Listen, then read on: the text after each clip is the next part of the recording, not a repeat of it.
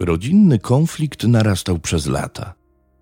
Barbara J. od początku nie akceptowała narzeczonej syna.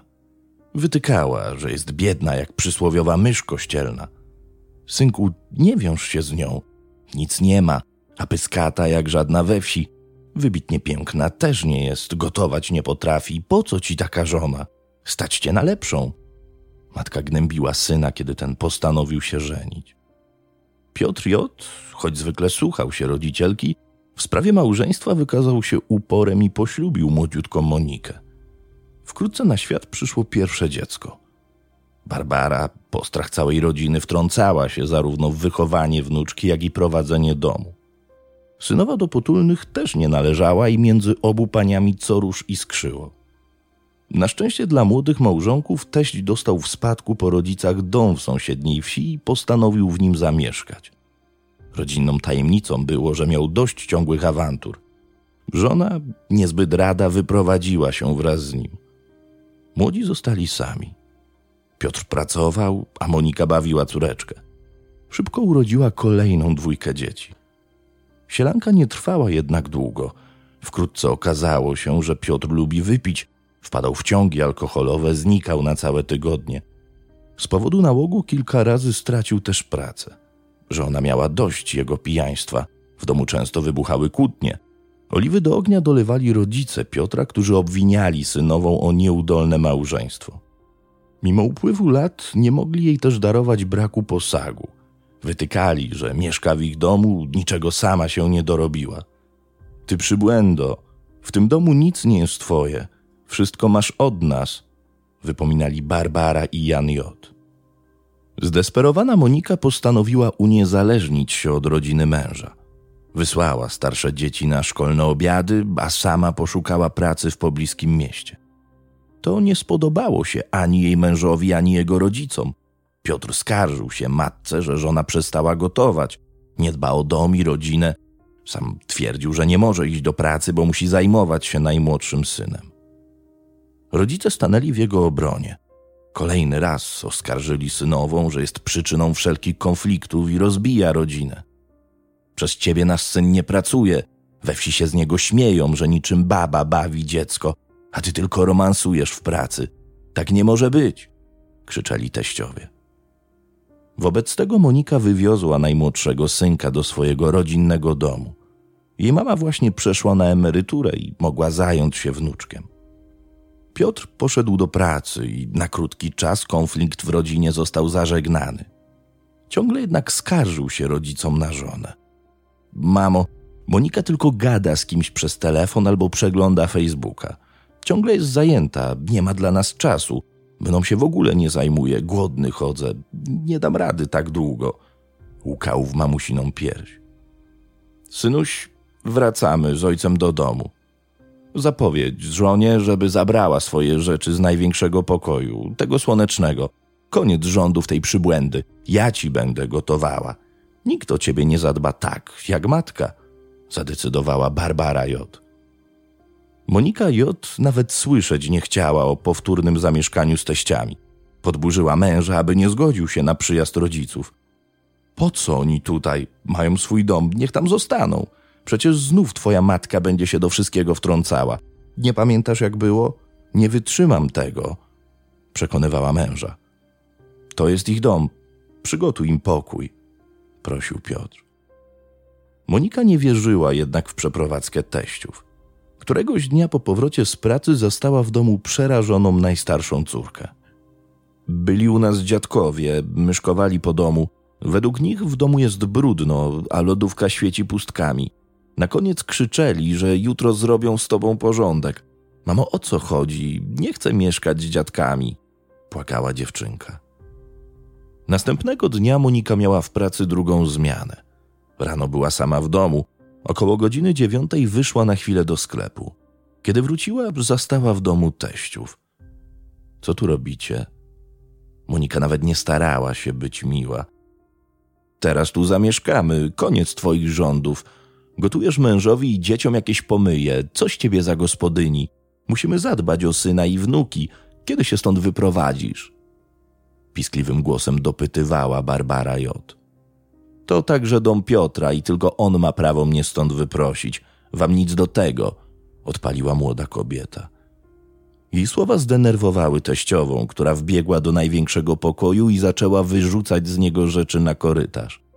Ty łachudro, nie będziesz mi tu pyskować, wynoś się, ja tu będę mieszkać. Potrzebuję słonecznego pokoju. Ze złością krzyczała przygarbiona kobieta. Po chwili wpadła w furię. Wyciągała rzeczy z regału i rzucała je gdzie popadło. Filiżanki i talerze z hukiem rozbijała o podłogę. Synowa usiłowała zbierać ubrania i układać je z powrotem na półkach. Teściowa rzuciła się na nią. Szarpała za ubrania i za włosy. Monika broniła się, próbowała wyrwać. Co tak patrzysz? Chodź tu. Pomóż mi ją wyrzucić. Sama nie dam rady, bo jest za silna. W pewnej chwili teściowa przywołała do siebie męża. Mężczyzna kilka razy uderzył synową w twarz, głowę, bił też po całym ciele. Dajcie mi spokój, dzwonię do Piotra, on was wyrzuci. Monika nagle wyrwała się z rąk oprawców. Chwyciła za telefon, wystukała numer do męża, ale ten nie odbierał. Zapamiętasz ten dzień do końca życia. Nie będziesz żyła z moim synem. Dzieci już są porozdzielane, kamień na kamieniu tu nie zostanie. Starsza gospodyni rzuciła się na kolana i kilka razy się przeżegnała. Po chwili zerwała się na równe nogi i podbiegła do synowej. Siłą rozpędu wypchnęła ją z pokoju do kuchni. Do żony przyłączył się mąż. Wspólnie szarpali i bili młodą kobietę. Nagle sięgnęła po leżący na stole nóż. Chwyciła go i zadała synowej cios w brzuch. Co ty mi zrobiłaś? Monika z przerażeniem obserwowała, jak teściowa wyciąga z jej ciała zakrwawione ostrze. Barbara odrzuciła nóż na podłogę. Jan kopnął go pod kaloryfer. Ranna kobieta usunęła się na podłogę. Teściowie odeszli od niej, oboje wrócili do pokoju i spokojnie wynosili z niego rzeczy. Po jakimś czasie starsza pani wróciła do kuchni. Nogą kopnęła leżącą Monikę. Nie udawaj, wstawaj. Barbara napełniła wodą słoik i chlusnęła synowej w twarz. Młoda kobieta poruszyła się, teściowa popatrzyła na nią. Nic ci nie będzie, stwierdziła z zadowoleniem. Kilka minut później teściowie wyszli na podwórko. Zastanawiali się, co dalej robić. Ten moment wykorzystała Monika, której udało się wstać z podłogi. Zgięta w pół podeszła do drzwi wyjściowych i przekręciła zamek. Po chwili chwyciła telefon, resztką sił wybrała numer do swojej siostry. Ela ratuj, teściowa wbiła mi nóż w brzuch. Przywieź mi Jacusia, niech go jeszcze zobaczę, tylko pośpiesz się, bo ja długo nie pociągnę. Ledwo mówiła do słuchawki. Po zakończeniu tej rozmowy zadzwoniła jeszcze do swojej bratowej. Też poinformowała ją o ataku Barbary. Kilkanaście minut później przy domu zatrzymał się samochód. Wysiadły z niego matka i siostra Moniki i biegiem dopadły do schodów. Córeczko, co ci jest? Otwórz! Wołała kobieta w średnim wieku, dobijając się do drzwi. Jej wołanie zaalarmowało Barbarę i Jana, którzy kręcili się w ogrodzie. Monika się zamknęła, nie chce z nikim rozmawiać. Jedźcie do domu, po co tu przyjechałyście? Dogadywała Barbara, podchodząc do swatowej. Dzwoniła, że ją raniliście w brzuch, odpowiedziała zagadnięta. A to kłamie przybłęda jedna. To wszystko przez was, dziady jedne, żeby córce posagu nawet nie dać. Wynoście się z mojego podwórka, krzyczała wściekła Barbara J. I nie rób ta z tego afery w policji, dodał jej mąż. W tym momencie drzwi się uchyliły i Monika wpuściła bliskich do domu. Młoda kobieta była półprzeźroczysta. Bez słowa pokazała ranę na brzuchu. Ledwo się trzymasz na nogach, dzwonię po pogotowie, postanowiła jej siostra. Lekarz z pogotowia zdecydował, że ranna musi natychmiast trafić do szpitala. Kto pani zadał cios? dopytywał medyk w drodze. Teściowa, wyszeptała pacjentka, która prosto z karetki trafiła na stół operacyjny. Tylko natychmiastowa pomoc lekarzy uratowała życie młodej kobiecie. W tym samym czasie policjanci zatrzymali Barbarę i Jana J. na przesłuchanie. Oboje niechętnie opowiadali, co się wydarzyło. To nasza rodzinna sprawa, a nie policji. Brudy pierze się we własnym domu. Nic nie będę mówić, zarzekała się starsza pani. Jej mąż tylko wzdychał. Ach, te kobiety. i szukał wzrokiem wsparcia wśród przesłuchujących go funkcjonariuszy. Ci byli jednak nieugięci. To sprawa o usiłowanie zabójstwa, a nie rodzinne pranie brudów. Wasza synowa trafiła do szpitala z dziurą w brzuchu, ledwo ją odratowano. Ktoś jej musiał zadać cios. Sama się raniła? Dopytywali funkcjonariusze.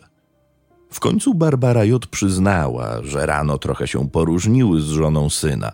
Może nawet doszło między nimi do przepychanek i szarpaniny, ale to nic poważnego. Nagle Monika chwyciła nóż, podciągnęła bluzkę i krzyknęła: Mata co chce ta, po czym wbiła sobie ostrze w ciało.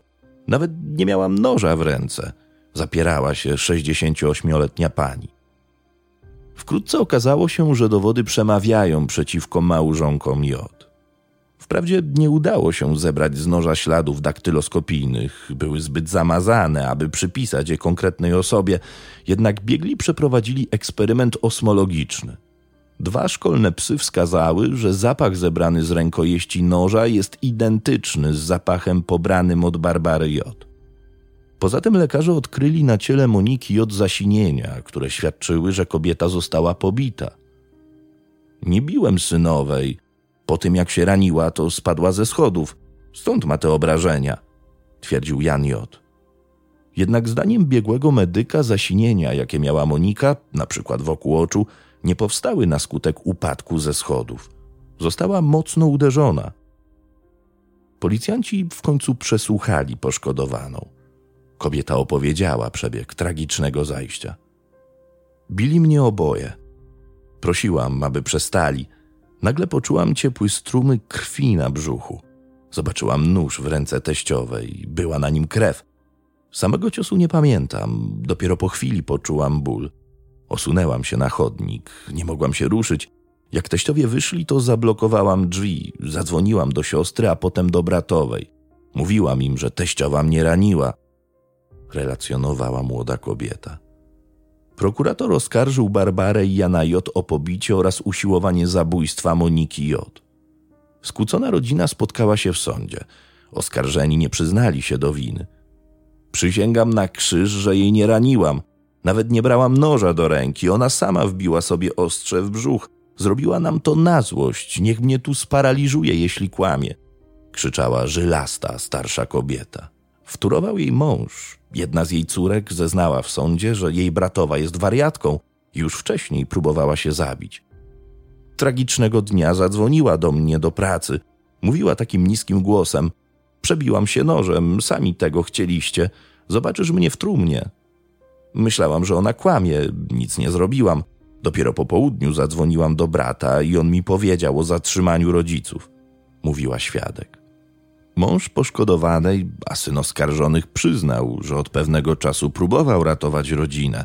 Przestał pić, a nawet był u psychologa. Rodzice postanowili się wprowadzić, bo żona nie dbała o dom.